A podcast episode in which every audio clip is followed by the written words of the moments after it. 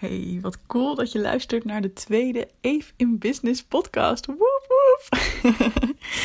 ik heb echt iets heel erg tofs, want ik ben door mijn grote voorbeeld, of eigenlijk moet ik zeggen, een van mijn grote voorbeelden, namelijk Ninke van der Lek, geïnterviewd.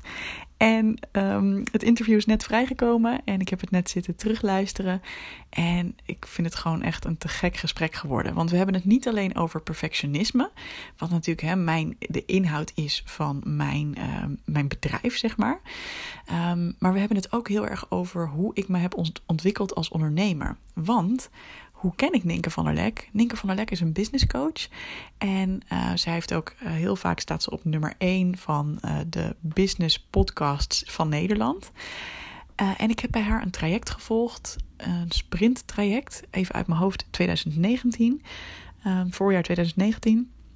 En daar heb ik ongelooflijk veel van geleerd. Dat was echt zo'n traject in een kleine groep. Uh, hoge investering ook. Uh, volgens mij ook 5000 euro ex-BTW. En um, echt een paar weken lang gewoon intensief door haar begeleid worden. Samen met een paar andere ondernemers. Om je business weer naar een hoger niveau te tillen. En daar zijn zoveel luikjes voor mij opengegaan. Daar heb ik zoveel geleerd over welke keuzes ik mag maken. En hoe ik veel meer kan denken vanuit de succesvolle Evelien.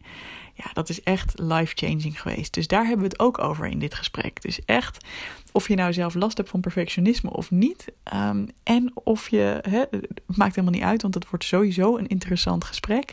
Zeker als jij een eigen business hebt of wilt starten. Omdat ik je ook helemaal meeneem op mijn reis. Um, wat me tegenhield om te beginnen. En hoe ik dat uiteindelijk toch heb gedaan. En ook de dingen die mij klein hielden in mijn onderneming. En hoe ik uiteindelijk echt ervoor gekozen heb van ja, weet je, maar ik ga hier gewoon echt voor. En dat is echt de doorbraak geweest die heeft gemaakt dat ik nu ja, dat het nu zo lekker gaat. Dat ik nu er zo goed van kan leven. En dat ik nog veel meer vrijheid heb dan ik ooit voor mogelijk had kunnen houden. Heel veel luisterplezier. Doei doei! Dit is de Ninke van der Lek podcast over doorbreken met je bedrijf. Aflevering 146.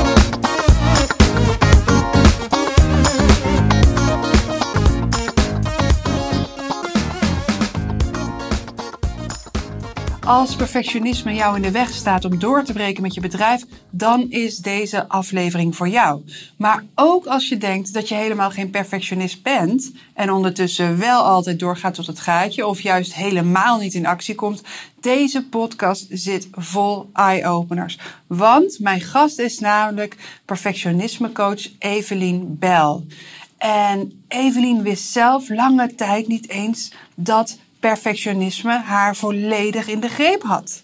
En in deze podcastaflevering ontdek je hoe zij inzicht kreeg in de ondermijnende kracht van het goed willen doen voor anderen en hoe haar leven drastisch veranderde door perfectionisme los te laten. Enjoy! Hey Evelien, super leuk dat jij hier vandaag in mijn podcast bent. Nou, dat vind ik ook. We gaan het vandaag hebben over perfectionisme, misschien wel over imperfectionisme. En uh, nou, toen we net uh, deze podcast nemen op via Zoom. En ondertussen komt er even een vliegtuig over. Ik heb de deur hier naar de tuin open. Het is bloody hot deze dagen. Maar uh, we, gingen, we gingen van start en we kwamen erachter dat jouw haar schuurde tegen het microfoontje wat je op dit moment uh, gebruikt. En uh, je had zo'n hele mooie volle bos met beach waves. En nu heb je gewoon een paardenstaart. En toen zeiden we al tegen elkaar: fuck de, de beach waves. En hier hebben we dan al meteen zo'n mooi voorbeeldje te pakken. Hè? Dus um, je hebt een podcast, je gaat, uh, je gaat live, je gaat je haar feunen. Hoe perfect moet deze aflevering worden, Evelien? Ja, helemaal perfect natuurlijk. Er mag geen foutje in zitten, denk ik. Wat denk jij? Nee, maar het is leuk, leuk dat je het daar ook over hebt. Want ik denk ook dat dat iets is wat veel, misschien ook wel vrouwelijke ondernemers herkennen. Hè? Dat je dan toch denkt, oh ja, uh, als, als mijn haar maar helemaal goed zit. Of als mijn make-up maar helemaal goed zit. Uh, en nou is dit natuurlijk nog een podcast. Maar ook bij video's hoor ik dat ook vaker. Dat mensen dat zeggen van, ja echt, ik, ik zou dat niet kunnen doen als ik niet helemaal lekker in mijn vel zit. Of weet je wel, als ik niet de perfecte outfit aan heb. En ik denk daarvan ook, ja, dat, dat is leuk om aan te werken, maar het is niet uiteindelijk het belangrijkste. Ah, je maakt me meteen nieuwsgierig en ik denk de luisteraars ook. Vertel eventjes, wie ben je, wat doe je en waarom moeten we vooral naar jou luisteren over dit stuk perfectionisme? Ja, nou, ik ben dus Evelien Bijl, uh, de perfectionisme coach. En ja, ik heb zelf jarenlang geworsteld met het thema perfectionisme zonder het door te hebben. En dat is denk ik wel iets wat, uh, wat ik ook vaker zie in mijn omgeving. Mensen hebben een bepaald beeld bij het woord perfectionisme. Namelijk dat je dan alles helemaal perfect op orde hebt. Nooit een keer iets rommeligs hebt. Hè, er altijd perfect uitziet. En ja, dat, dat gold niet helemaal op die manier voor mij. Dus voor mij uh, gold het meer dat ik merkte dat ik heel erg gestrest werd van de druk die ik mezelf oplegde. Dus dat ik een bepaald idee had over hoe ik zou moeten presteren en ook over mijn ontwikkeling. Daarbij had ik echt het idee van, oh ja, ik moet, het is goed, het is oké om fouten te maken, want dat had ik dan wel geleerd. Maar uh, van elke fout moet je leren en vervolgens mag je die fout nooit meer maken. Nou, dat is iets wat aan het begin van mijn carrière ervoor heeft gezorgd dat ik ontzettend veel stress heb ervaren. En ja, daar eigenlijk heel lang over heb gedaan om erachter te komen van, hé, hey, hoe komt dat nou? Hoe komt het nou dat ik zo'n gevoel van druk heb? Want het kwam niet echt eh, per se heel erg van buiten, het kwam heel erg uit mezelf. Wat was een keerpunt? Wat was een speciaal moment waarop jij je ineens realiseerde wat voor druk jij jezelf oplegde? Ja, een van die momenten, uh, ik weet nog heel goed, ik woonde destijds in Utrecht en um, ik, ik deed een bepaalde meditatie. Ik was eigenlijk in die tijd, vond ik meditatie maar zweverig. Hè? En ik was überhaupt nog niet op die manier bezig met spiritualiteit of ontwikkeling, uh, zelfontwikkeling. Um, en ik deed een bepaalde meditatie en dat ging over het omarmen van um, ja, een soort van een donker stuk in jezelf. Dus het, het stuk in jezelf dat niet per se mooi of perfect is.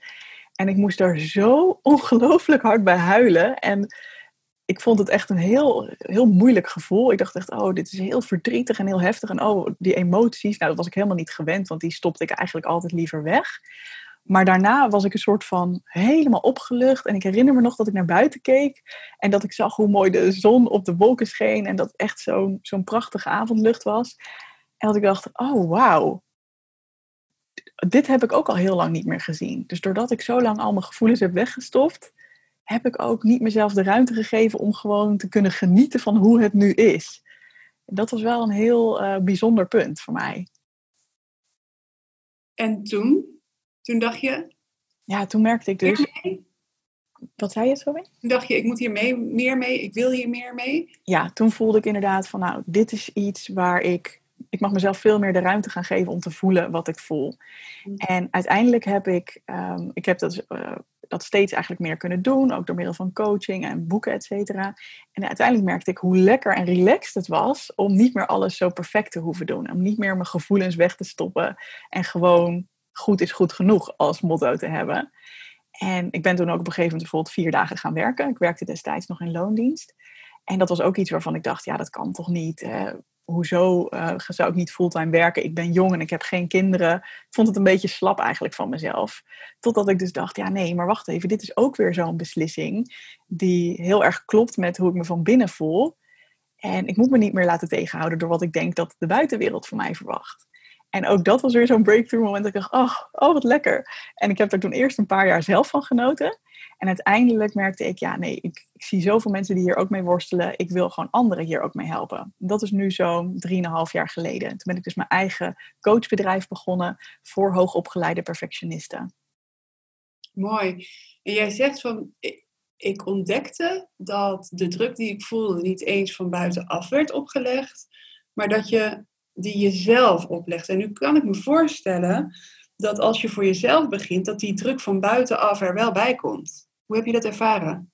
Ja, dus op het moment dat ik besloot om echt mijn eigen bedrijf te gaan beginnen, um, toen waren er natuurlijk ook mensen met een mening daarover. Ik denk dat elke startende ondernemer dat zal herkennen.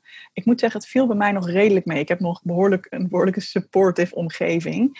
Maar er waren wel een aantal mensen in mijn omgeving die bijvoorbeeld zeiden: Oeh, is het niet slim om eerst dan nog een paar dagen per week in loondienst te blijven werken en van daaruit je eigen bedrijf verder op te bouwen? Um, En ik nam dat ook meteen voor waarheid aan. Ik dacht meteen, ja, dat is waarschijnlijk zo. En die mensen zullen het wel beter weten. Terwijl ik eigenlijk van binnen voelde, hmm, het liefst zou ik er nu gewoon helemaal voor gaan. En om even de context te schetsen. Ik was inmiddels een paar jaar uh, al bezig. Tenminste, ongeveer een jaar, anderhalf. Um, en de afdeling waar ik werkte werd opgeheven. Dus het was ook echt zo'n keerpuntmoment van, oké, wat ga je nu doen? Kies je nu voor de veilige weg, zoals ik dat toen zag? En de veilige weg was weer een baan in loondienst zoeken. Of is dit een moment dat je kiest voor echt datgene wat je het allerliefste wil, namelijk volledig je eigen bedrijf uitbouwen. En ook daarbij voelde ik op een gegeven moment dat ik dacht, hé, hey, maar dit zijn weer meningen van anderen en wat vind ik zelf eigenlijk belangrijk? Wat zou ik zelf graag willen? En toen ik daar ook voor ging staan en dat ook uitsprak, ook tegen die mensen die dat tegen mij gezegd hadden, toen zeiden ze ook allemaal: Oh nee, ja, ik, het is ook zeker niet dat ik denk dat jij dat niet kan. Het is meer dat ik dacht dat je dat zelf fijner zou vinden. Dus in mijn hoofd was het eigenlijk een stempel van: hè, jij, oh, jij kan nog niet in één keer een bedrijf succesvol runnen en uh, doe nou maar voorzichtig, begin nou maar in loondienst. Maar dat, bleek dus ook, dat beeld bleek dus niet te kloppen. Dat zat wederom in mijn eigen hoofd. Mooi, interessant. En je bent dus nu een jaar of drie, drieënhalf hiermee bezig. Kun je ehm, een beeld schetsen van het verschil tussen hoe je zeg vijf jaar geleden je leven leidde en nu? Wat, kun je vijf grote verschillen noemen? Ik ben even heel erg benieuwd. Waar dat perfectionisme en het imperfectionisme zich manifesteert. Wat zijn de vijf grootste verschillen? Ja, absoluut. Het is, echt, het is echt dag en nacht. Het is bijna niet te vergelijken. Als ik terugkijk, vijf jaar geleden werkte ik ehm, altijd, ja, ik, werkte gewoon best wel hard en ik was ook heel erg bezig met ehm, het goed doen voor de ander. Dus om, om daar een voorbeeld van te geven, ik heb echt moeten leren dat uh, als iemand anders bijvoorbeeld vraagt van, hè, wil je deze afspraak doen? Uh, mensen nodigen je uit voor werkafspraken, mensen vragen je om bepaalde dingen op te pakken. Mijn default mode was om gewoon ja te zeggen, want als het gevraagd wordt, dan is dat belangrijk. Dus als jij een betrokken collega bent, kun je dan niet ineens nee zeggen. En als ik dan kijk naar hoe ik dat nu doe, ja, dan is dat heel anders. Sowieso heb ik natuurlijk geen collega's die dingen aan me vragen, maar het is vooral ook een interne verandering dat ik voel dat ik in regie ben. Dus ik heb echt geleerd van als mensen dingen aan mij vragen, dan is dat niet een automatische ja, maar dan zit er eerst een checkmoment bij mezelf op van hey, hoe voelt dit eigenlijk? Heb ik hier echt ruimte voor? En niet alleen maar heb ik ruimte in mijn agenda, want dat heb ik nu wel heel veel, maar ook heb ik ook de energie en is dit, past dit ook bij waar ik nu naartoe wil in mijn bedrijf? In plaats van dat je automatisch je laat leiden door wat andere mensen denken dat een goed idee is, neem ik daar echt de tijd voor om dat even te voelen. Nou, dat, dat ziet er dus ook gewoon heel anders uit. Als je mijn agenda toen zag, dan zag die gewoon best wel redelijk vol. Hè? Veel afspraken, ook veel buiten de deur. En nu heb ik gewoon een, nou, het is niet een lege agenda, maar vrijwel leeg. Dus ik heb een paar afspraken waar ik zelf van heb gekozen. Oh ja, daar wil ik echt bij zijn. Dat vind ik echt belangrijk. Dus dat is denk ik een heel mooi verschil van toen en nu. Ja, geweldig. Ik wil nog meer horen. Ja, inspirerend. ja, ook een groot verschil is, um, en misschien gaat het niet over vijf jaar, maar nog iets langer geleden hoor, maar um, dit wat ik net vertelde over werksituaties, dat geldt, gold ook heel erg in privé-situaties. Dus ik had ook het idee, hè, als je voor een verjaardag wordt uitgenodigd, dan ga je gewoon. Of als je als een vriendin zegt, hey, zullen we even afspreken? Dan is dat gewoon een ja, automatisch ook weer. En um, ik had ook best wel veel kennissen. Ik, ik vind het heel leuk namelijk om nieuwe mensen te ontmoeten. Dus ik had best wel veel mensen in mijn leven waar ik niet per se heel veel energie van kreeg, maar waar ik wel het meeste tijd aan kwijt was. En waardoor ik uiteindelijk dan heel weinig tijd had om af te spreken met die paar vriendinnen die voor mij echt heel belangrijk zijn. Of met mijn familie of wat dan ook. Dus als je ook kijkt naar mijn agenda qua privéafspraken destijds, ja, dat is drastisch veranderd. Ik heb nu een paar mensen die ik gewoon heel graag zie. En nog steeds zit er af en toe ook een nieuw iemand bij, maar het is niet meer, ik, ben gewoon iets voorzichtiger geworden met waar geef ik mijn tijd aan. En ook daar zit dan weer een check op bij mij van hoe, hoe voel ik me ook nadat ik tijd met jou heb doorgebracht? Voel ik me dan meer opgeladen of ben ik dan eigenlijk meer leeg? Iets waar ik bijvoorbeeld echt best wel allergisch voor blijkt te zijn, is mensen die heel erg klagen, maar niet in actie komen. Nou, ik denk dat veel meer mensen dat ook hebben. ja, ik heb soms wel eens dat ik nieuwe mensen ontmoet en ik denk, oh ja, jij vertelt heel veel over wat er niet goed gaat. Eh, en dan ben ik best wel bereid om enthousiast eh, tips te geven en zo. en mee te denken. Maar vervolgens gebeurt er niks mee. Ja, dan merk ik, oké, nou dan neem ik daar gewoon een beetje afstand van. En zal ik eerder nee zeggen tegen een afspraak met zo iemand. Mooi. Dus ja, ik ben ook even benieuwd. Je hebt een relatie, hè? Klopt. Wat is daarin veranderd? Oeh, hele mooie vraag. Echt, het is heel leuk, want mijn, uh, mijn vriend, uh, wij zijn nu uh, vijf jaar samen sinds afgelopen vrijdag. Dus hij heeft mij, en hij kende mij daarvoor al tien jaar, want wij waren al tien jaar beste vrienden. Dus hij heeft mij in al mijn relaties bijna meegemaakt als beste vriend. En soms hebben we het daar ook wel eens over van, oh, wat fijn, zegt hij ook, dat we niet toen een relatie hebben gekregen. Want doordat ik heel streng was voor mezelf, doordat ik allemaal dingen van mezelf moest, was ik ook niet per se een leuke persoon voor anderen. En ik vind het heel tof dat je hier naar vraagt, want ik denk dat heel veel mensen die last hebben van perfectionisme, dat uh, dan denken van ja, maar het is toch ook heel fijn voor anderen dat ik altijd zo mijn best doe, hè, dat ik altijd aansta en er altijd voor anderen ben. Maar bij mij was het eindresultaat dat, omdat, hè, dat had ik zoveel gegeven aan anderen, dat ik helemaal kapot was. En, echt, en dan krijg ik een kort lontje. Dan word ik echt heel onaardig en heel bitchy en heel kort af. Dus ja, ik ben nu ook zoveel chiller. Hij zegt ook, oh even, je bent zoveel chiller geworden. Je bent zoveel liever geworden. Ik heb veel meer ruimte ook om echt ook naar zijn verhaal te luisteren. En ook om dingen op te vangen als het even niet helemaal soepel gaat. Dus ja, ik heb ook daarin heel veel, uh, heel veel kunnen leren. En misschien een beetje een pikanter onderwerp, maar ook op het gebied van seksualiteit. Uh, ja, weet je, als jij altijd maar gespannen bent en denkt, oh, ik moet alles goed doen. Bij mij, in mijn hoofd en in mijn lijf, was er weinig ruimte ook voor genieten en voor ontspannen. Dus ook dat stukje is uh, gelukkig nu een stuk beter. Fantastisch, supermooi. Ja, want um, ik vroeg naar vijf voorbeelden. Ik heb ondertussen meegeteld. Zo perfectionistische controlefreak ben ik dan weer. Uh, voorbeeld vijf uh, ik ben even benieuwd als het gaat om zelfbeeld en de beleving van je lichaam en hoe je, hè, als het gaat om hoe je eruit ziet. Is daar ook een verschuiving geweest? Enorm, enorm. En dat was er eentje, want dat werk, dat was zeg maar een van de eerste veranderingen die gebeurde. Dat ik merkte, oh wacht, ik hoef niet meer naar iedereen's uh, wensen te buigen. Ik mag mijn eigen regie op mijn eigen agenda hebben. En toen ik dat een beetje onder de knie had, toen voelde ik ook gewoon dat er ruimte kwam voor dit stuk. Want dit is een stuk waar ik persoonlijk best wel mee geworsteld heb. Um, heel lang ben ik best wel streng geweest voor mezelf als het ging om gezond eten. En ik denk niet dat het ooit echt een eetstoornis is geweest. Um, ik heb altijd ook gewoon genoeg gegeten en dat soort dingen. Maar ik heb wel een tijd gehad dat ik super bezig was met clean moeten eten. En het grote verschil met hoe ik daar nu in sta, is dat ik dat, ik deed dat destijds niet per se alleen maar vanuit zelfliefde. Want mensen complimenteren je. Oh, wat goed. En je eet weinig suikers. En wat eet je goed? Hè, veel groentes en dat soort dingen. Oh, wat goed. Maar mensen zien niet altijd wat voor motivatie eronder zit. En bij mij was het deels wel ook dat ik dacht, oh, dit is gewoon gezond, dus dat moet ik doen. Maar het was ook een extra manier om controle te houden en om het goed te doen. En eerlijk gezegd ook om slank te blijven. Want ik had best wel een angst dat als ik dat los zou laten, dat dan mijn suikerverslaving tussen aanhalingstekens het weer over zou nemen en dat ik dan kilo's zou aankomen. En ik heb hier ook hulp bij gezocht um, van een body image coach, Summer Innenen heet zij, uh, Canadese coach. En zij heeft me heel erg geleerd van ja, maar weet je, en dan? Dan kom je een aantal kilo aan. En dan? Is dat dan het einde van de wereld? Wij, wij leven in zo'n wereld waarin je het perfecte plaatje moet zijn. En, en dat dat dan het ideaalbeeld is van wanneer je gelukkig zou kunnen zijn. Maar ik was, misschien was ik wel 10 of 15 kilo licht, lichter dan nu. Ik was helemaal niet gelukkiger. Ik ben nu veel gelukkiger dan toen. En ik geniet ook veel meer inderdaad van mijn lijf en van alles uh, wat het leven te bieden heeft. Dus ook daar zit zo'n beeld op van ja, als de buitenkant maar klopt, weet je wel, dan, dan leidt dat ook tot geluk aan de binnenkant. Nou, bij mij was het tegenovergestelde dus waar.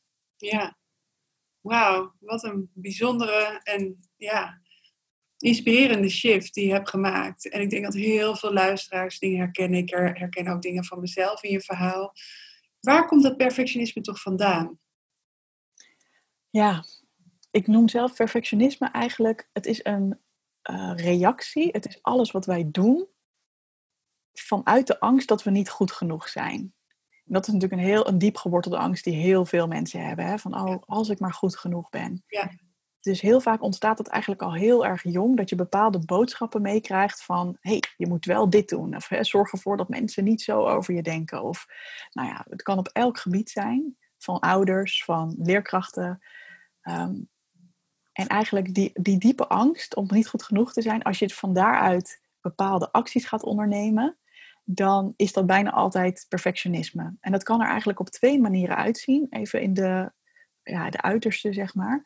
Het ene is het heel herkenbare perfectionisme van high achievement, weet je wel, keihard je best willen doen, over je eigen grenzen heen gaan.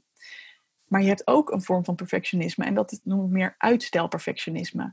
En dat is juist dat mensen het zo graag goed willen doen, dat ze niet tot actie komen. Dat ze niet in beweging komen, omdat het te groot en te spannend is. En dat zijn eigenlijk beide dingen die gewoon heel erg jammer zijn. Want als je dat perfectionisme eraf kan halen en je acties kan gaan ondernemen vanuit een gevoel van ja, ik ben sowieso goed genoeg, dan bereik je eigenlijk veel meer. En dan wordt het veel makkelijker en stroomt het ook veel lekkerder allemaal.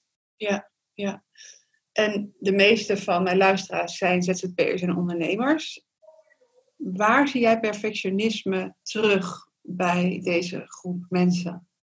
Oh, echt. Een aantal specifieke voorbeelden van geven. Zeker. Nou, een eerste is ehm, voordat mensen iets live durven zetten. Dus denk aan een video of een post of uh, een nieuw product of een webinar, noem het maar op. Voordat mensen iets in de wereld durven zetten, zit er heel vaak een struggle op van het gevoel hebben dat het nog niet af is, dat het nog beter kan ik zie ook heel veel mensen heel lang doen over dingen waarvan ik denk, kom op, dit kan veel sneller. En dat is niet eh, om die mensen te veroordelen, maar omdat ik denk, hé, hey, je hebt alles al, je hebt alle kennis al. Begin nou maar met een versie die desnoods dan maar 60% goed is en ga dan maar lekker verbeteren.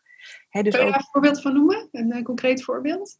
Ehm, stel bijvoorbeeld, uh, je hebt een nieuw product en je denkt, oh ja, ik heb heel veel zin om dit te lanceren, maar je blijft maar hangen op dat je salespage helemaal perfect moet zijn. dat je dan echt elke keer opnieuw gaat sleutelen en denkt, oh die woorden moeten nog anders. Of voordat je inderdaad een webinar durft te geven, dat je eerst denkt, oh ik moet dat eerst helemaal de perfecte slides en de perfecte plaatjes. En ik moet er heel goed over nadenken, heel lang. En voor je het weet ben je maanden verder. Terwijl je had ook gewoon dat in een week of in twee weken gewoon zo goed kunnen doen als je op dat moment kon. En dan merken, oh wacht, hè, dit levert het nu op. Of dit is wat, het, wat ik nu terugkrijg in reacties. Oh, ik kan weer gaan verbeteren en ik kan weer bij gaan sleutelen. Ja, ja. Waar zie je het nog meer terug in, uh, in het ondernemerschap, perfectionisme? Dus het gaat over lanceren, het is niet goed genoeg en de vertraging die dat oploopt. Ja, ik zie het ook en dat is uh, bij ondernemers en ook in bredere zin, maar ik denk zeker ook bij ondernemers. We kunnen ook wel eens het gevoel hebben dat wij het emotioneel allemaal op een rijtje moeten hebben. dat klinkt misschien apart, maar ik noem dat emotioneel perfectionisme. En wat ik daarmee bedoel is dat we uh, heel erg balen van onszelf als we onze dag niet goed voelen. Dus mm. bijvoorbeeld, je bent gestrest of je bent gewoon vermoeid. Of weet je wel, je zit even niet helemaal lekker in je energie. Ik zie dat er soms bijna een soort van schaamte op is om daar uh, dat ten eerste aan jezelf toe te geven. ik zie gewoon mensen die dan gewoon toch doorbeuken, want ondernemers zijn vaak hartstikke ambitieus en gemotiveerd. Maar om dan gewoon even echt die ruimte in te nemen, te denken, hé, hey, dit, dit voelt gewoon even niet goed. Ik ga gewoon eventjes rustig aandoen en ik kijk morgen weer hoe ik me voel. Dat is, vind ik, ook een vorm van perfectionisme. Eigenlijk niet erkennen van hoe je je echt voelt. En dat laat staan dat misschien ook te durven uitspreken. Want het plaatje naar buiten toe is dan toch vaak, nee hoor, gaat hartstikke lekker. En alsof, ik denk dat mensen ook heel vaak bang zijn om dat te laten zien. Want ehm, ja, alsof je daarmee ook klanten zou afschrikken. Terwijl, ja, wat we nu ook steeds meer zien is hoe echter jij bent. Uh, hoe meer mensen zich met jou kunnen relaten, zeg maar. En hoe meer mensen juist denken, hé, hey, dat is inspirerend. Hoe gaat zij hiermee om? Ja, dat is voor mij persoonlijk zelf de eerste jaren echt een eye-opener geweest. Kijk, ik, um, ik rolde op een gegeven moment in de business coaching. En wat ik merkte is dat mensen heel makkelijk aanhaakten als ik mezelf liet zien. En als ik dingen deelde die eigenlijk niks te maken hadden met business coaching. bijvoorbeeld dat ik de ziekte van Hashimoto heb. Dat is iets wat ik eerst voor mezelf hield. Dat is een uh, chronische, uh, chronische auto-immuunziekte. En ik dacht van als ik dit deel, gaan mensen me ja, minder aantrekkelijk vinden. Als ik dit deel, ja, wie zit er nou te wachten op een, uh, op een business coach met een energiegebrek? Maar ik merkte, oh ja, en ik was trouwens ook, dus dat, hè, dus ik was bang voor het oordeel dat anderen hadden, maar ik was ook bang dat ik hierdoor andere uh, hele zielige mensen aan ging trekken. Dus dat was de reden dat ik het voor mezelf hield. En wat ik ontdekte is uh, dat het voor mensen heel ja, heel relativerend is. Mensen kunnen ontspannen als ze weten dat ik niet de een of andere Iron Woman ben, maar een mens met struggles. En daarnaast kunnen ze leren van mijn lessen. Ja. Ik ontdekte ook, dus dat is wel mooi. Ik had dus een, wat eigenlijk bedenk me nu, dat is ook wat jij had. Van je denkt dat mensen een bepaald beeld hebben. Maar ik dacht dus dat mensen een beeld van mij hadden als, ja, die is zielig. Ziek is zielig. Dat is ook het beeld wat ik projecteerde op anderen. Dus ik dacht, als ik zeg dat ik een auto-immuunziekte heb, dan krijg ik andere zielige patiënten uh, op mijn dak, zeg maar. En daar zit ik op te wachten. Er ging een wereld voor me open. Mensen kozen veel makkelijker voor mij. Maar ik, er ging ook een wereld voor me open als het gaat om al die mensen die ook te maken hebben met um, uit, of, uh, gezondheidsuitdagingen.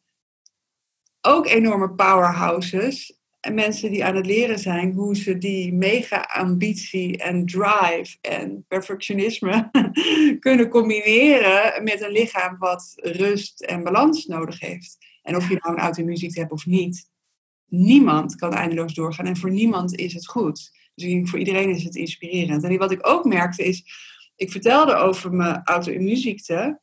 Maar voor iemand anders was bijvoorbeeld het weer dat, dat hij gescheiden was, of alleen het ouder, of een, een partner had verloren. Dus het ging niet echt om ziekte en gezondheid. Het ging om, ja, het leven. Je laat de menselijke kant zien. Dit is precies ook, denk ik, waarom ik zo uh, aanga altijd van jou. en het, het gaat inderdaad helemaal niet om een zielig verhaal. Het gaat om relatability en dat ik voel, oh wacht, ja, ik ben bijvoorbeeld hoogsensitief. Nou, is ook helemaal niet iets waar ik mezelf een slachtoffer of heel zielig over vind.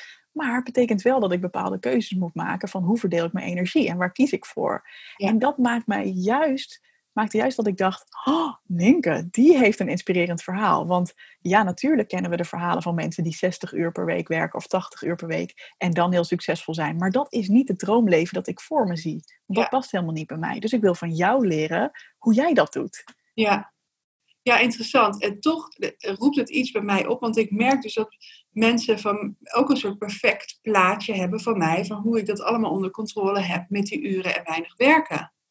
Mm. Daar zit heel veel intentie achter. En over het algemeen regel ik het goed voor mezelf. Maar ook ik zit s'avonds soms uitgeblust op de bank.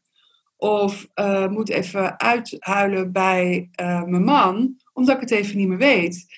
En um, dus hierin ook wat ik bij mezelf merk, hè, van authentiek zijn naar buiten toe. Er is niks wat ik echt voor me hou, omdat niemand het mag weten. Wat ik wel merk, is dat ik op momenten dat ik eenmaal ja, uh, niet lekker in mijn vel zit, weinig energie heb, of gewoon geen zin heb in die business, geen mhm. zin heb in, in mensen, in volgers, in klanten. Uh, dat zijn ook niet de momenten waarop ik dat wil laten zien of laten weten. Ja. Dus dat is iets wat, waar ik de laatste tijd wel over nadenk. Weet je, ik kan daarover praten. Uh, maar heel vaak is het ook geen issue als ik weer lekker in mijn vel zit. En wel zin heb om dingen te, dingen, te delen.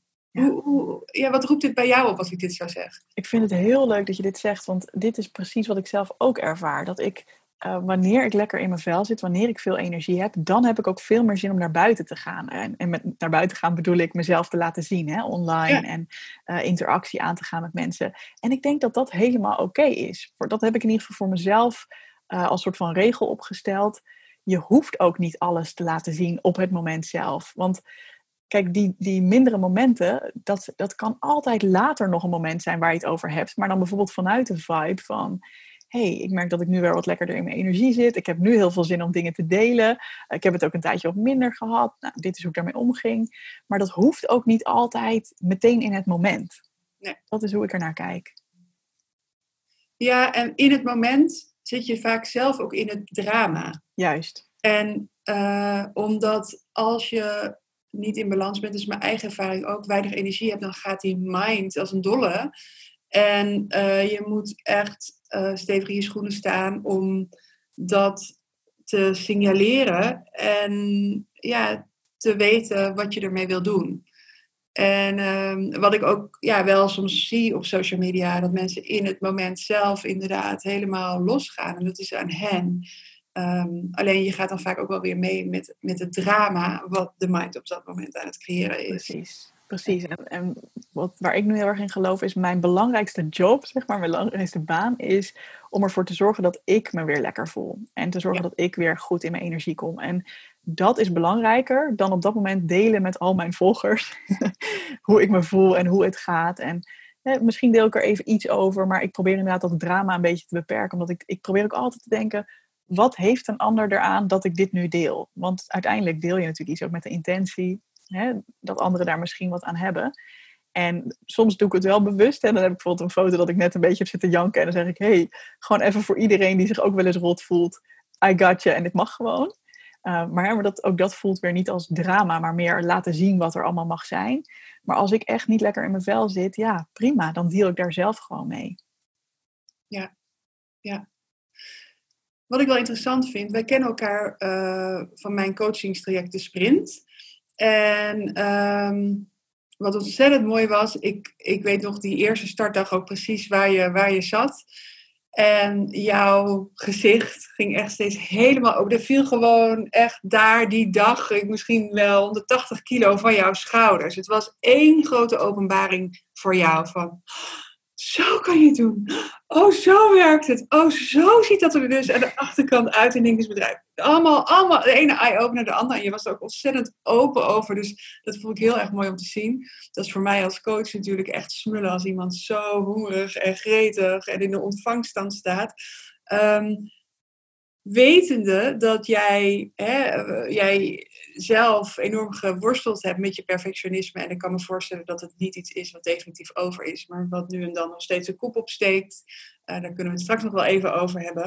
Um, maar bij de sprint, weet je, dus no time to waste. Dus uh, we gaan gewoon heel snel korte metten maken met al het geneuzel en getreuzel en doorpakken. Hoe was dat voor jou? Oh, denken. Ik, ik weet niet, ja, je ziet het nu misschien weer gebeuren, maar ik, ik zit weer helemaal in die vibe en mijn grijns gaat weer van oor tot oor. Echt, ja, gewoon zonder enige twijfel, dit heeft zo ongelooflijk mijn leven veranderd. En dat begon eigenlijk al bij het moment dat ik de beslissing nam om mee te gaan doen. Want als ik daar iets over mag delen, um, hoe dat is gegaan. Um, ik zat eventjes, want ik had jouw traject gezien en ik vond het ontzettend aantrekkelijk. Maar ik had ook nog wat belemmerende overtuigingen. Want ik zat, ja, ik, ja, ik, zat, ik zat helemaal in een. Ik weet nog precies, ik liep hier buiten uh, in Leiden over de singles. En ik voelde de angst. Enerzijds, wat als ik zoveel geld in mezelf investeer en het gaat niet werken? En met het gaat niet werken bedoel ik, mijn bedrijf wordt alsnog geen succes.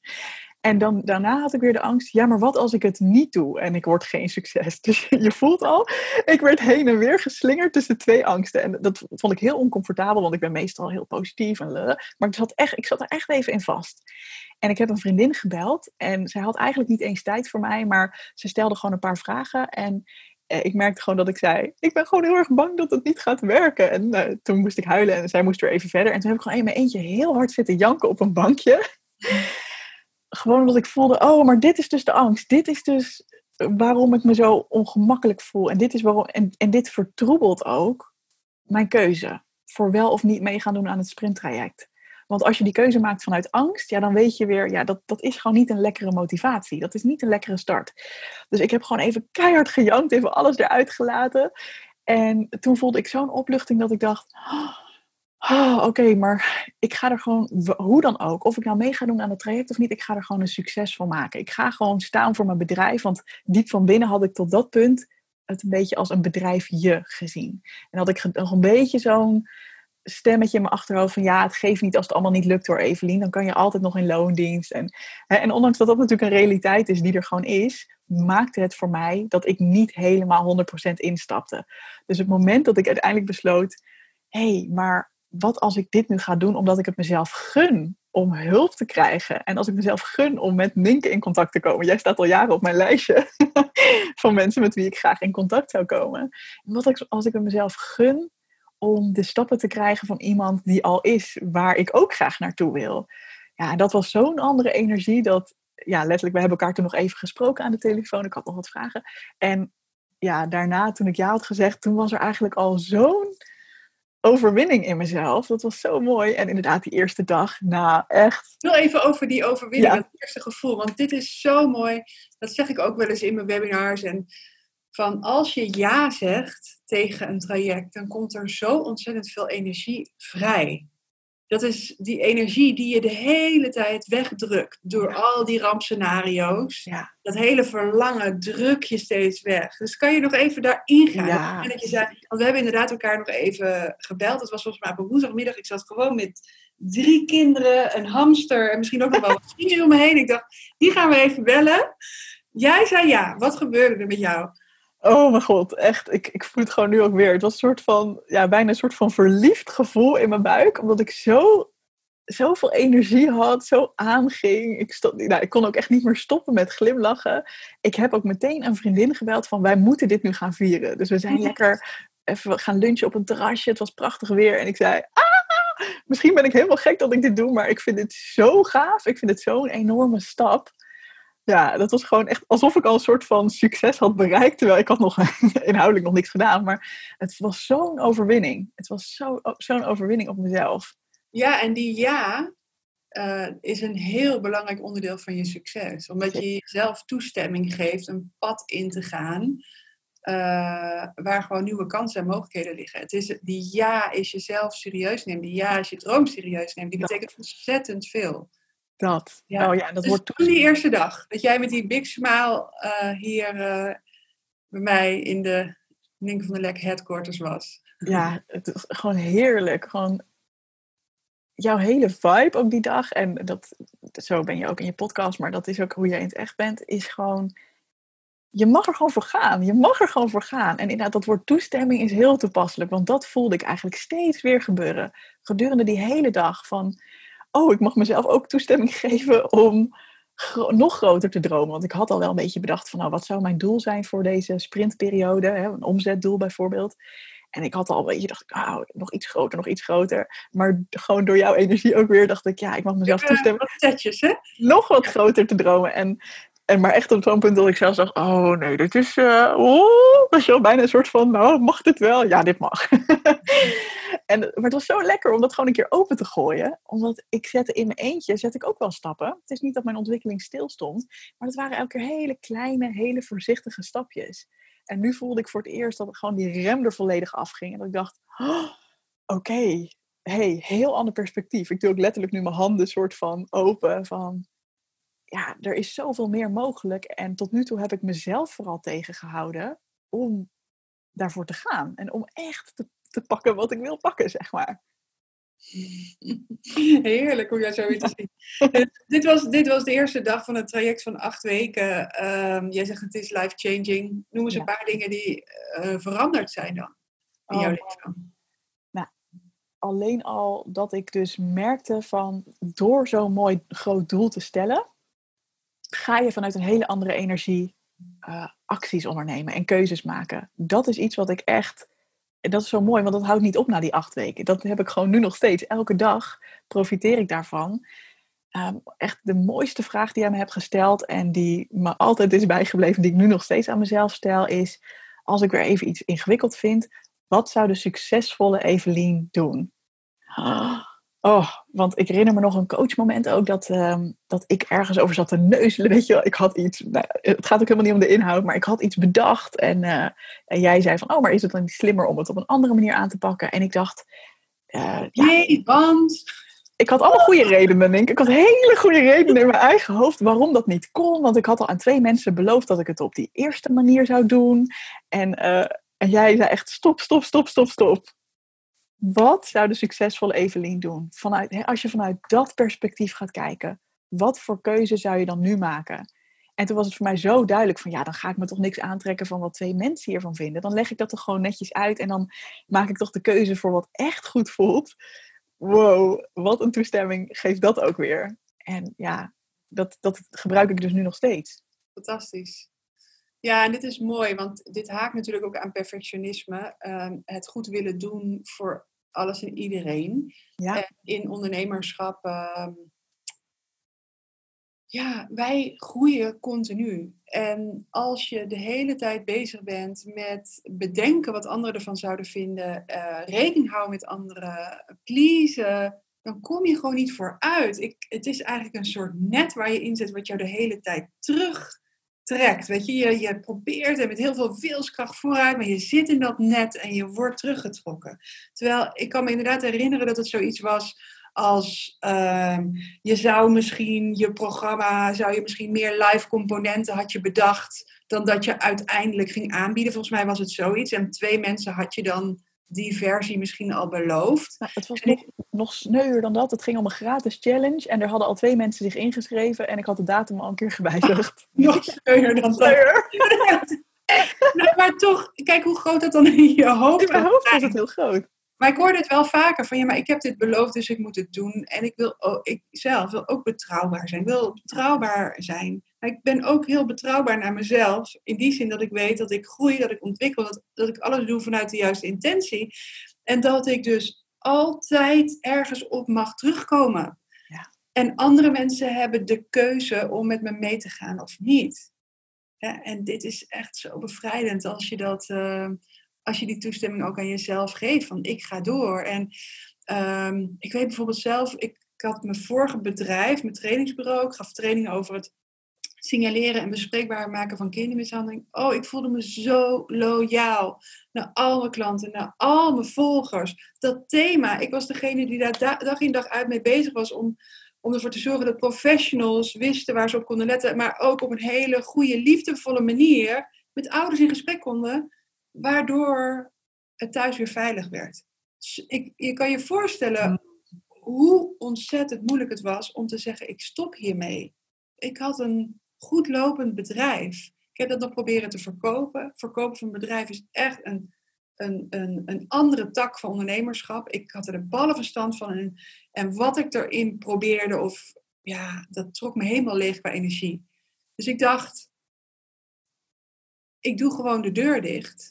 En ik ga door met die business coaching. Ik, heb, ik, heb, ik voelde me zo schuldig, ik voelde me zo loyaal, tot ik me op een gegeven moment realiseerde van, hoezo ben ik degene die hier de wereld moet redden? Ik heb een aantal jaren me hiervoor ingezet. Ik zal dat blijven doen, maar dan op een manier die past bij wie ik nu ben. En een zinnetje wat ik toen ontdekte en wat ik toen gebruikt heb, was zo bevrijdend. En misschien heb ik jou dat zinnetje ook wel gegeven in de communicatie naar klanten toe. Of in de communicatie met met mensen in je team. Of weet je, je wil door. Eh, je, je bent begaan met al die mensen aan wie je toezegging hebt gedaan. En het zinnetje was, gezien de doorontwikkeling van mijn bedrijf, heb ik besloten om. Ja. Puntje, puntje, puntje. Ja, ja Het die, is die zo zo geholpen. Ja. Maar het is zo alleszeggend van ik ga door, ik ontwikkel me. Dat is, en dat komt alles en iedereen ten goede. Ja. En ook al zie jij nu niet, ik, ik wil dit, ik wil meer mensen kunnen helpen, ik wil in een andere energie. Voor mij was het ook het thema, dat drukte op een gegeven moment ook. Ehm, ik, wil, ik, wil, ik wil door. Ik eh, had op een gegeven moment twee bedrijven, was niet goed voor mij. Gezien de doorontwikkeling van mijn bedrijf heb ik besloten om deze deur dicht te doen en me volledig te richten op ondernemers. En hen te helpen om hun klanten zo goed mogelijk te helpen. En ja, dat wat ook heel erg mooi was, als je dan zo'n keuze maakt, helemaal voor jezelf en vanuit jezelf. Ja, er kwam toch een golf aan liefde, aan begrip, aan waardering en dankbaarheid. Ik heb een dag lang achter mijn computer zitten huilen, helemaal verlamd van alles wat er in mijn inbox kwam. Ik had er een mail 's ochtends uitgedaan, een mail om 7 uur 's ochtends. En de hele dag door een tsunami aan dankbaarheid. En toen realiseerde ik me ook van, had ik die keuze niet gemaakt en daar gewoon heel eerlijk en open over gecommuniceerd, dan had ik dit ook nooit geweten. En dat vond ik ook zo magisch van keuzes maken. Wow, dus ook daar zal bij jou misschien wel een idee van, nou ja, dit is voor mij de goede keus, maar misschien vinden hem anderen, ik doe hem wat aan. Ja. Wat vinden zij ervan? En moet je kijken wat je in plaats daarvan terugkreeg. Ja, ik Ja. kreeg het terug.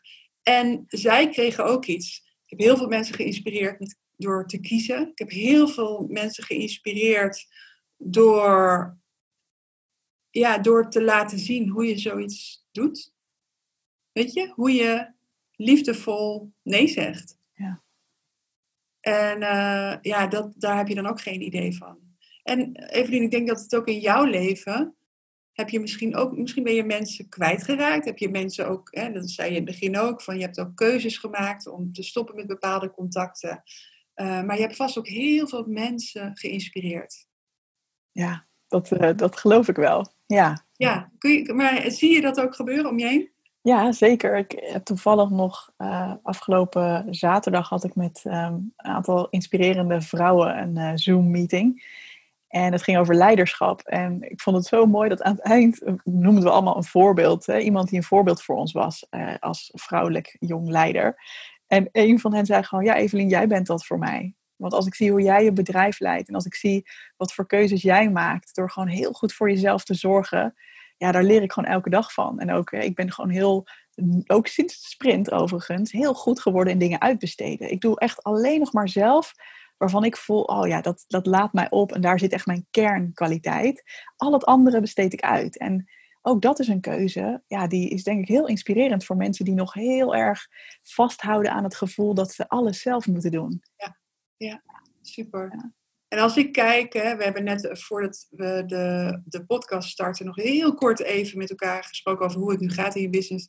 Ehm, ik zei, laten we die opname snel aanzetten, want eh, hè, laten we het gewoon verder in de podcast bespreken. Maar wat me opviel is dat je gewoon super veel eenvoud in je business hebt gecreëerd.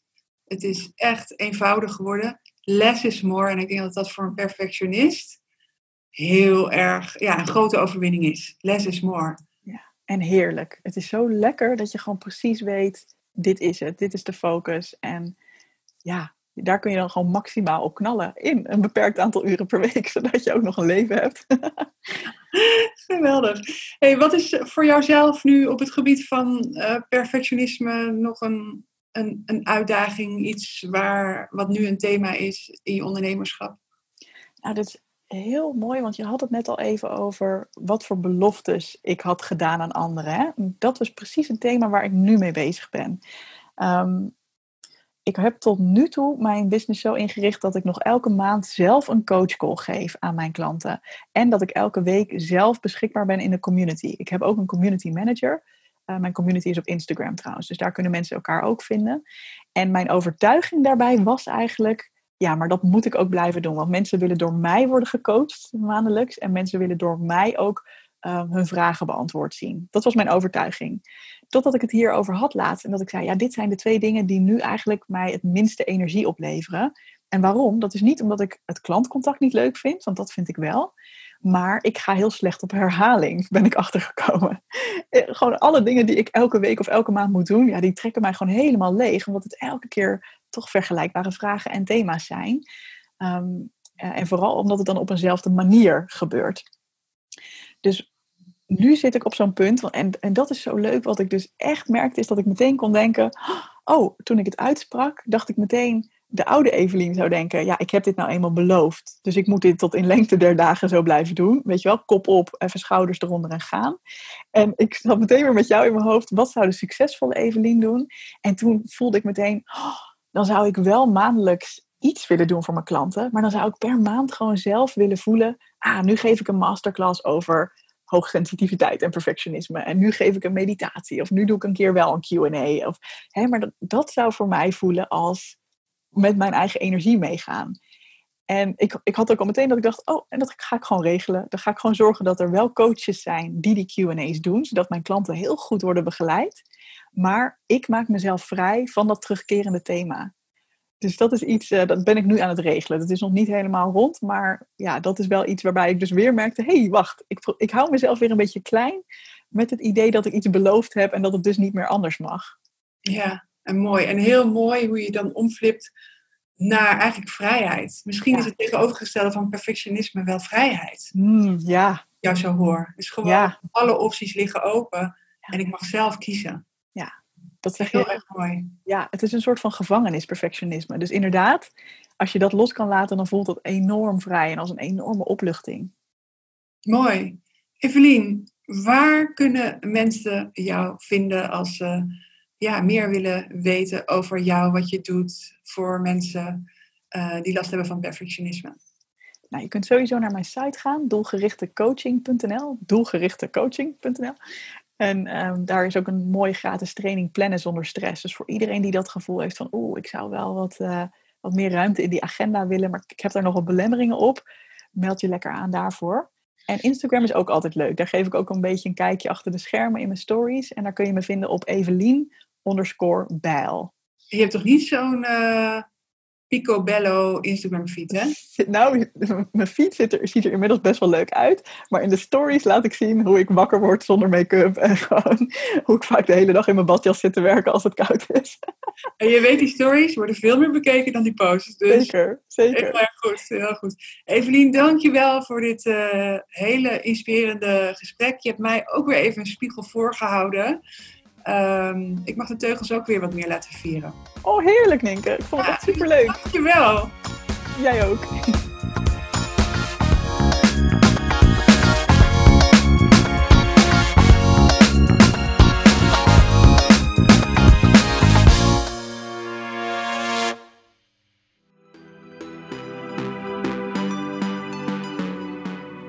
Vond je dit een inspirerende aflevering? Super leuk als je een screenshot op je Insta-stories deelt. En ik zou het vet gezellig vinden als je je abonneert op deze podcast, want dan krijg je vanzelf een melding wanneer ik weer een nieuwe aflevering met je deel. Take care en een hele fijne dag verder.